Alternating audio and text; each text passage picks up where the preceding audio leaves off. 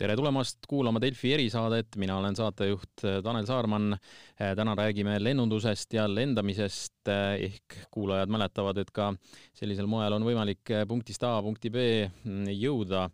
paljud meist ei ole päris ammu lennuki peale sattunud ja, ja kindlasti on inimestel soov taas reisida, aga natukene tuleb veel oodata, et see kõik sellises mahus toimuma ta saaks, nagu, nagu ta võib-olla mingil hetkel äh, meie reaalsus oli. Äh, räägime sellest äh, teemast Tallinna lennujaama kommertsteenuste valdkonna juhi Eero Pärgmäega, tere! tervist!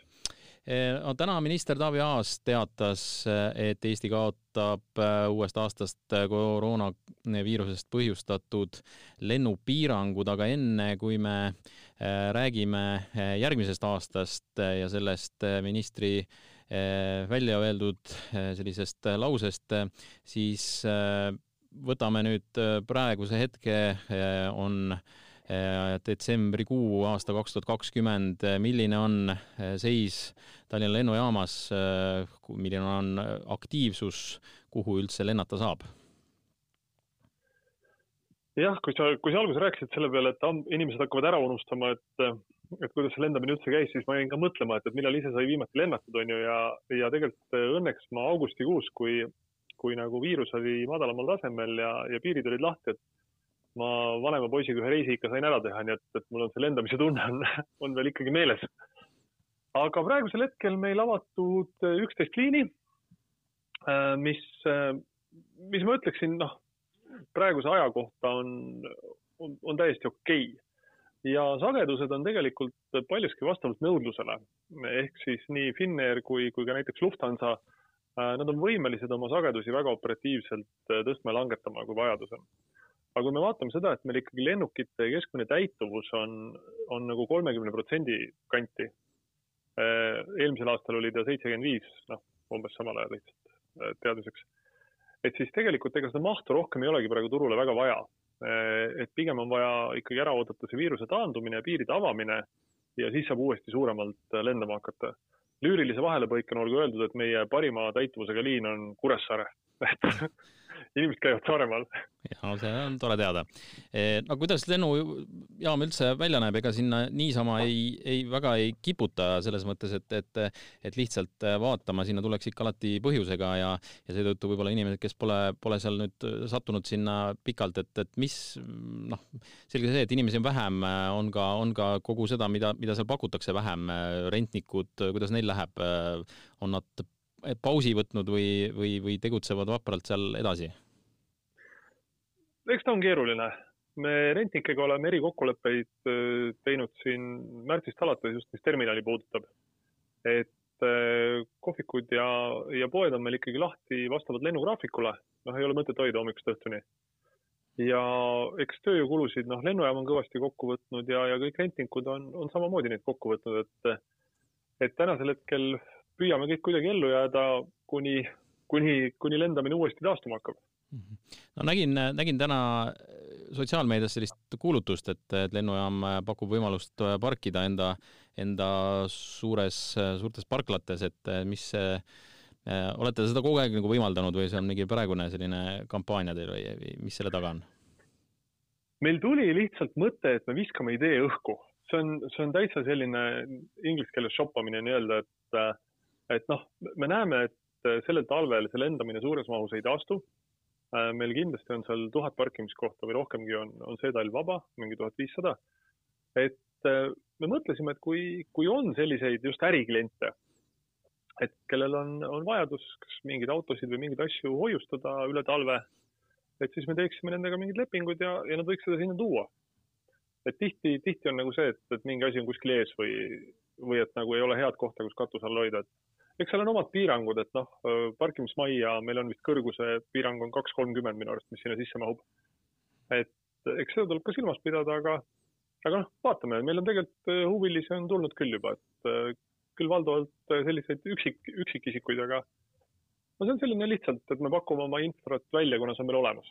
kas on, on teil veel või, või teate te maailmast näiteid, kus lennujaamad on, on midagi välja mõelnud, et, et kuidagi tekitada, noh, raske muidugi, kui inimesed eriti veel olukorras, kus inimesi ei tohi ka kokku niimoodi väga ajada ühte, ühte kohta kokku, et aga, aga on, on mingeid näiteid, et ma tean, lennu, lennuettevõtted, lennufirmad on, on siin niisuguseid oma lennukites mingeid eksklusiivseid restorane avanud ja küsivad päris korralikku raha, et inimesed nii-öelda saavad nautida sellist lennukis söömise kogemust. kas lennujaamad ka kuidagi mõtlevad mingeid uusi asju välja, et, et kuidas see aeg üle elada? Eks ta on keeruline, sest et esiteks on see, et noh, meie puhul on tegemist ikkagi kriitilise infrastruktuuri ettevõttega, ehk siis me nagu noh, päris lihtsalt ei saa inimese lennujaama peale lahti lasta. et äh, siis ja, ja noh, meie, meie äri, mida me teeme, on väga spetsiifiline. see on seotud ikkagi lennukite reisijate teenindamisega. et et, et loomulikult me oleme kogu aeg teinud, isegi juba enne, kui me toimetasime aktiivselt, oleme teinud kontserte terminalis ja kõike seda, aga nagu sa ütlesid, et noh, täna ei saa inimesi suuremas koguses kokku ajada, et, et mingit sotsiaalset tegevust harrastada. lennujaamad on, loomulikult spordiüritusi on tehtud, raja, radasid on kinni pandud, kui on mitu rada lennujaamal, et siis raja peal on jookse tehtud, on tehtud mingit autokino kuskil lennujaama perrooni peal.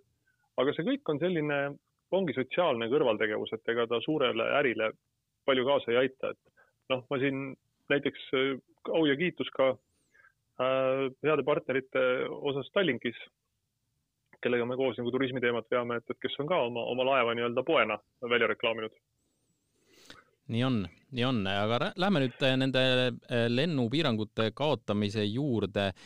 saan ma, sain ma aru eile see teade siis äh, välja tuli, äh, me salvestame oma, oma saadet küll reedesel päeval, nii et, et, et, et sellepärast ma ütlen, et see, see teade eile just tuli, et need lennupiirangud kaot-, lennupiirangud siis kaovad, aga ega ta vist midagi otseselt nüüd ei tähenda, et, et kohe jaanuarist-veebruarist hakkab siin lennujaamas oluliselt kuidagi teistmoodi pihta mingisugune suurem liikumine, et, et mida see siis tegelikult nagu tähendab, see piirangute kaotamine? see tähendab tegelikult seda lihtsustatult öeldes, et me saamegi koos lennufirmadega minna tagasi sellisesse turumajanduslikku planeerimisse. et, et meil ei ole selliseid piiranguid, et, et noh, midagi ei tohi teha või midagi ei saa teha, vaid me saame rohkem lähtuda turunõudlusest. ehk siis, et, et noh, kui, kui tänasel hetkel ei ole näiteks nõudlust Vilniusesse et siis noh, lennuk ei lenda Vilniusesse, see on arusaadav. aga noh, see, et tänasel hetkel Vilniusse lendamine on keelatud, noh, see selgelt ei ole mõistlik, on ju. ehk siis just see turumajanduse tagasitulek ja, ja teine pool on muidugi see, et ikkagi teatud riigid, mille vahel meil liikumine toimub, et seda saab teha paremini ja turvaliselt, noh, me kõik teame, et, et kõige rohkem on viirus sisse toodud täna Venemaalt, aga noh, lennukid ju Venemaale ei lenda, on ju. ja see on küsimus, kust see siis tuleb et, et lennujaama puhul meil on testimiskeskus töötab väga hästi, et kui see lennuk Moskvast tuleb kunagi tulevikus, siis inimesed lähevad testimisest läbi ja, ja tegelikult see reis on lõpuks turvalisem. et Moskva, Minsk juba ütles meile täna, et, et Minsk alustab juba teine jaanuar, kuusteist jaanuar alustab Istanbul, Türgis, kõigil on graafikud hõredad, paar-kolm lendu nädalas.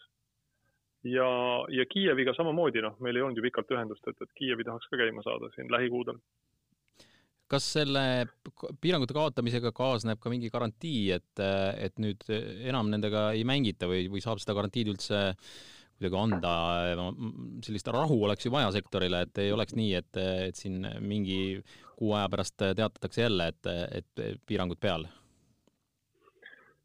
ma arvan, et tänaseks hetkeks on, on aru saadud, et, et lendamine ei ole nii suur riskiallikas ehk siis noh, need inimesed, kellel on vaja liikuda, need kuidagi liiguvad ikka ja parem on teha seda otse ja turvaliselt. ja noh, me oleme ka Terviseametiga kontaktis olnud ja, ja Sotsiaalministeeriumiga ja noh, nemad samamoodi ja Irja Lutsar ka, et noh, nemad samamoodi, et nad ei näe nagu seda lennukiga liikumist kui otsest ohuallikat. et pigem on küsimus ikkagi selles, kas nendest isolatsioonipiirangutest pärast peetakse kinni või ei peeta kinni mm. -hmm. noh, mhm. seal, seal on konks, seal on konks. mis nüüd tšarterlendudega toimub, kas neid äh, tohib ka teha või, või mis, mis selles maailmas toimub praegu? Äh, tulevad ka tasapidi tagasi, noh, talvel on meil traditsiooniliselt olnud ainult kaks sihtkohta, äh, Kanaari saared suuresti ja, ja Egiptus. noh, Egiptus selgelt ei avane, sest keegi päris täpselt ei saa aru, mis olukord seal on mm. -hmm. aga Kanaari saartel esimene reis peaks minema siin juba nädala pärast vähemalt plaanis oli, kaheksateist detsember. ja see seeria on selline hõre, et noh, üks lend nädalas. Vaatame, kuidas see läheb neil. noh, samamoodi, et, et kuidas Hispaania reeglitega see kõik kokku läheb ja ja kui, kui need esimesed reisid on edukad, siis saab seda seeriat suurendada, et noh, see kõik peab olema turvaline, selles mõttes, reisimine peab olema turvaline. jah, milline see töö üldse lennujaama poolt vaates on hetkel, et, et kui, kui me oleme nüüd sellises olukorras olnud, on piirangud peal olnud ja, ja, ja nüüd selgub, et et piirangud võetakse maha, et mis see tähendab, juba, juba ütlesite ka, et, et, et on teiega ühendust võetud ja juba on teada, et mingid liinid on lahti minemas, et, et kas pigem käibki see niipidi, et, et lennufirmad annavad teada või, või te ise ka ikkagi aktiivselt siis otsite, vaatate, uurite, et, et milline see köögipool välja näeb teie poole pealt? kusjuures ma ütleks, et selle köögi poole peal on toimunudki kõige suurem areng ja mis nende kriiside positiivne äh, väljund või noh, positiivne mõju kindlasti on see, et seljad pannakse palju rohkem kokku. ja meil ei ole lennufirmadega nagu elu sees niivõrd tihedat ja head läbisaamist olnud kui, kui täna. ehk siis äh, regulaarsed äh, Teamsi miitingud, arutame, millal saaks avaneda, mis on mõistlik, mis on mõistlik sagedus ja noh, selles mõttes nende poolt on huvi selgelt olemas kõigil ju lennukid seisavad täna seina ääres. et kui natukenegi nõudlust kuskil nähakse, siis, siis tegelikult ollakse valmis kohe alustama. aga praegusel hetkel jah, see Euroopa pilt on ikkagi nii kirju ja nii segane, et, et sellist massilist inimeste liikumist lennukitega ei, ei soovita üheski riigis väga mm. -hmm. kui noh, selgelt te teate seda, et mis äh, mis seisus üldse lennufirmad on, eh, noh, eh, me ei, keegi ei arvagi, et neil väga hea seis on, aga, aga kui karm kogu see pilt seal on ja kuidas need suured ja, ja meile tuntud vedajad on vastu pidanud, eks neid ole ka omajagu toetatud ja, ja aga, aga noh, on nad kõik sellises seisus, et, et elavad ikkagi üle selle, selle karmi aja või, või mis pilt sealt vastu vaatab? noh põhimõtteliselt Euroopas on vist tänasel hetkel kaks lennufirmat, kes veel ise suudavad raha tõsta, et see on Ryanair ja Wizz Air. et noh, nendel on, on veel finantsvõimekus endal olemas. Äh, et, et kuna täiesti erafirmadega on ka tegemist, siis noh, neid riigid väga ei kipu toetama.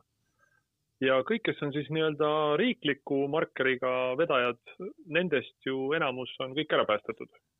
noh, Lufthansa, KLM, Air Baltic et kõik on oma, oma rahasüsti kätte saanud ja Finnairi majanduslik olukord oli tegelikult juba enne seda kriisi oli väga hea, et, et Finnair tegelikult sai ka ise päris pikalt hakkama. ehk siis lennufirmad on, on olemas, kas neil on siis endal veel raha järel või on ära päästetud, kaks varianti. et ja eks võib-olla jah, siin öelda, et eks mõned, mõned lähevad ka pankrotti, toimub võib-olla turul ka mõningane konsolideerumine, et noh, tänasel hetkel Norwegian, Norwegian on ikkagi kõige keerulisemas olukorras, ta ongi juba pankroti kaitse all praegu mm. -hmm aga fantaseerime ka natukene, mitte ärme lähe väga kaugele. praegu ma usun, inimeste fantaasiad eh, ongi väga sellised lühi, lühiajalised ja unistused on, on, ongi, ei ole kuskil kaugel, vaid, vaid selles ajas, kui näiteks kaks tuhat kakskümmend üks kevad ja suvi, milline on realistlik pilt eh, lennujaamas eh, siis, ütleme, kui me räägime siin tõesti aprill-mai alates sealt, et, et saab juba midagi nagu mõelda sinna suunas, et, et, et milline see reisimine välja näeb siis? ah, eks reisimine näeb välja ikka nagu reisimine, noh, selles mõttes, et, et esialgu peavad kindlasti maskid ees olema, sellepärast et ega vaktsiin ju kohe kohale ei jõua kõigile. ja, ja kokkuvõttes distantsi tuleb natuke rohkem hoida, nii-öelda tervisenõuetele natuke rohkem tähelepanu pöörata. Aga noh, printsiibis lennuk on ikka lennuk ja lennujaam on ikka lennujaam, on ju, et ega, ega seal midagi muud olulist ei muutu Ehm, kui nüüd rääkida reisimahtudest, et siis eh, noh, selge on see, et läbi talve saavad need olema veel, veel väikesed. et kui me siin teenindasime muidu talvel kakssada viiskümmend tuhat inimest, suvel üle kolmesaja tuhande inimese kuus, siis noh, nüüd me teeme talveperioodil kakskümmend viis, kolmkümmend tuhat inimest kuus, ehk siis üheksakümmend protsenti vähem. Nii et need mahud esialgu on väiksed, aga mida me nägime eelmine suvi uh,, nüüd möödunud suvi just, mis läks praegu et eh, kui piirid avanevad ja kui viirus taandub, siis nõudlus taastub hästi kiiresti. sest juulis oli näha, et juulis me tegime kohe hopsti seitsekümmend viis tuhat reisijat, augustis oli kaheksakümmend viis tuhat. ehk siis inimeste soov reisida ei ole kuskile kadunud. see on hästi oluline. ja kui me vaatame nüüd Eesti majandusolukorda, siis tegelikult majanduslangus on jäänud ka oodatust väiksemaks, mis tähendab seda, et rahval peaks raha käes olema, et reisida. Nii et eh, need, need tegurid nagu näitavad seda, et kui võimalus avaneb, siis ma arvan, et kuskil aprilli-maikuust võiks reisimine jälle natuke suuremalt lahti minna ja eks ta ole niisugune ülemaailmne teema, niisugune ka inimlik eh, vaade sellele, eks ole, et kõikjal inimesed siiski tahavad reisida, tahavad eh, puhata huvitavates kohtades, et, et selles mõttes see noh, ei ole kuidagi mitte Eesti, Eesti inimese eripära, et, et me nüüd ja noh, muidugi küsimus on selles, et kuidas see majandus nagu teistes riikides on, mis seis on, eh, et kui, kui hull, hull on, on ühes või teises kohas see see mõju olnud.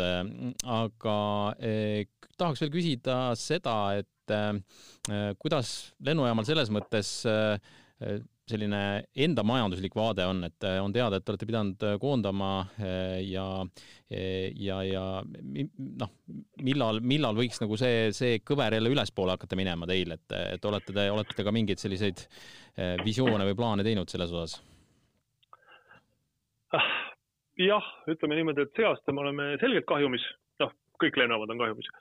et äh, me teame tegelikult, kuidas läheb ka meie Balti naabritel ja, ja me ikkagi reageerisime oluliselt kiiremini ja me võime öelda, et, et me oleme isegi naabritest natuke paremas rahalises seisus. Äh, järgmine aasta me oleme ka kahjumis, noh, sest lihtsalt see reisijate maht ei taastu ja, ja lennujaama püsikulud on, on väga suured, mis me peame hoidma siis äh, üleval võimekust inimeste näol, pluss meie amortisatsioonikulu ma arvan, et kaks tuhat kakskümmend kaks on see aasta, kus, kus me jälle oleme nullis või plusspoolel. vähemalt me loodame seda. et aga noh, meie jaoks, meil on omaniku ja nõukoguga kõik kokkulepped tehtud. mis on nagu finantsnägemus ühine lennujaama majandamise tulevikust. nii et meil nagu hirmu ei ole, et midagi tegemata jääb, et, et me jätkuvalt teenindame ära kõik lennufirmad ja, ja reisijad, et, et siin, siin nagu riski ei ole inimeste jaoks kui efektiivne üks, üks lennujaam äh, selles mõttes on, et äh, või annab seal, on see kriis näidanud kätte ka mingid sellised kohad, kus peaks veel ja saaks veel teha sellist äh, kuidagi, ma ei tea, automatiseerimist, kuidagi inim, inimfaktorit vähendada või, või muul moel. noh, mõnes mõttes kokkuhoid ei ole kunagi nagu positiivne sõna selles mõttes, et eriti lennujaama puhul, et te tõepoolest olete väga oluline asutus, et seal väga lihtsalt võtta ei saa, eks. et peate, peate seal jälgima väga-väga täpselt reegleid, aga, aga kas, kas annab kuidagi, on see kriis näidanud kätte mingid sellised kohad, kus annab, annab nagu vähemaks võtta? ja see on väga hea teema tegelikult, et seda teemat võiks kohe pikalt rääkida, et noh, automatiseerimine ja digitaliseerimine tegelikult on, on märksõnad, kus me kõik oleme sees. ja, ja mis võimaldavad meil ressurssi efektiivsemalt kasutada. ja noh, selge on see, et kõigivõimalise iseteenindus on märksõna, et me praegu koos Politsei- ja Piirivalveametiga püüame käima saada iseteenindusliku piiriületuse äh, väravad tegelikult me tahaks iseteenindusliku check-in'ini jõuda, iseteeninduslik pagasi loovutamine. Et need projektid on meil kõik töös ja neid me praegu Covidi ajaks peatanud ei ole. et noh, nendega me läheme selgelt edasi. ja tööd annab ka efektiivistada, et näiteks maapealse teeninduse osas, see on siis lennukite ja reisijate teenindamine. et meil on näiteks niimoodi tehtud, et üks inimene, kui ta enne tegi ühte tööoperatsiooni, siis ta tänaseks on ära õppinud juba kolm tööoperatsiooni. ehk siis toimub suurem inimeste ristkasutus Äh, mis jällegi suurendab efektiivsust. Ehk siis see kriis tegelikult on andnud väga tugeva tõuke efektiivsuse otsingutele. no mida me, millal siis ütleme, võime oodata, kas, kas see, kui, kui siin need vaktsiinid nüüd kuidagi või ütleme, mis see kõige rohkem inimesi mõjutab, võib-olla olete juba tähele pannud ka sellest, sellest päris pikalt juba kestnud ajast, et kas, kas ütleme, olukord, kus piirangud maha võetakse, inimesed koheselt on, on tagasi või, või siiski ütleme, kogu see tervisega seonduv hoiab, hoiab neid siiski eemale reisimisest, et, et ma kujutan ette, et see psühholoogiline pool seal päris palju ka mõjutab, et kui nüüd ikkagi me oleme väga lähedal või juba inimesed reaalselt saavadki vaktsiini, et siis tegelikult see psühholoogiline pool ka omajagu, omajagu nagu leeveneb ja, ja, ja julgemalt tullakse, tullakse reisima, kui need piirangud siis tõepoolest maha võetakse ja, ja üha rohkem neid reise tuleb, et, et selles mõttes lootus on, et, et kevade poole ja suve poole ikkagi, ikkagi kenakesti jälle lennujaamas sellist rohkem on liikumist um,? ma arvan, et eh, üks pool on see inimeste enda, enda pool, ehk siis, et inimesed ise tegelikult eh, tajuvad seda vastutust täna juba palju, palju suuremalt. inimesed on ise palju targemad, nad oskavad paremini käituda, sest kevadel, noh, me ju kõik kartsime, noh, kõik olime hirmul, et keegi ei teadnud, mis asi see on täpselt, onju. et, et tänasel hetkel on nagu numbrid on kõrgemad kui kevadel, aga, aga inimesed on ka nagu palju targemad, et, et ma arvan, et psühholoogiliselt eh, me oleme palju rohkem ette valmistunud juba tänases maailmas toimetamiseks Euroopa suur probleem on olnud see, et iga riik on kehtestanud mingeid erinevad nõudeid ja mingeid kokkuleppeid ei ole. see on täiesti masendav, noh, et see ajab segadusse reisiettevõtted, turistid, noh, reisijad, kõik. et, et see on koht, kus Euroopa Liit on nagu täiesti läbi kukkunud. aga noh, see on nagu mõistetav, see kriis on täitsa uut tüüpi ja, ja loodetavasti nüüd ikkagi suveks Euroopa poolt toimub ka mingisugune nõuete ühtlustamine, et inimesed saaks aru, et kui ma Eestist lähen, vahepeal maandun Saksamaale, siis lendan edasi Hispaaniasse, et ma saan nagu natukenegi aru, mis need reeglid mulle sealt vastu vaatavad, onju, et ma iga kord ei pea leiutama midagi. ja ma arvan, et need kaks asja, et ühtepidi inimeste enda, enda vastutus ja, ja teistpidi ka nagu selgemad, selgemad reeglid äh, või siis nagu noh, reeglite ühtlustamine annab, annab võimaluse vabamalt liikuda sest me tahame vabalt liikuda, noh, meil on, ega maailma tagasi purki ei pane, et globaliseerumist ja reisimist ju tagasi purki ei pane, et noh, me, me ei jää ainult ühe koha peale enam. Väga hea, selle tõde, tõdemusega ongi hea eh, saate otsad kokku tõmmata, aitäh, Eero Pärgmäe saates osalemast, täname ka kuulajaid, püsige terved, kandke maski, kõike head! aitäh!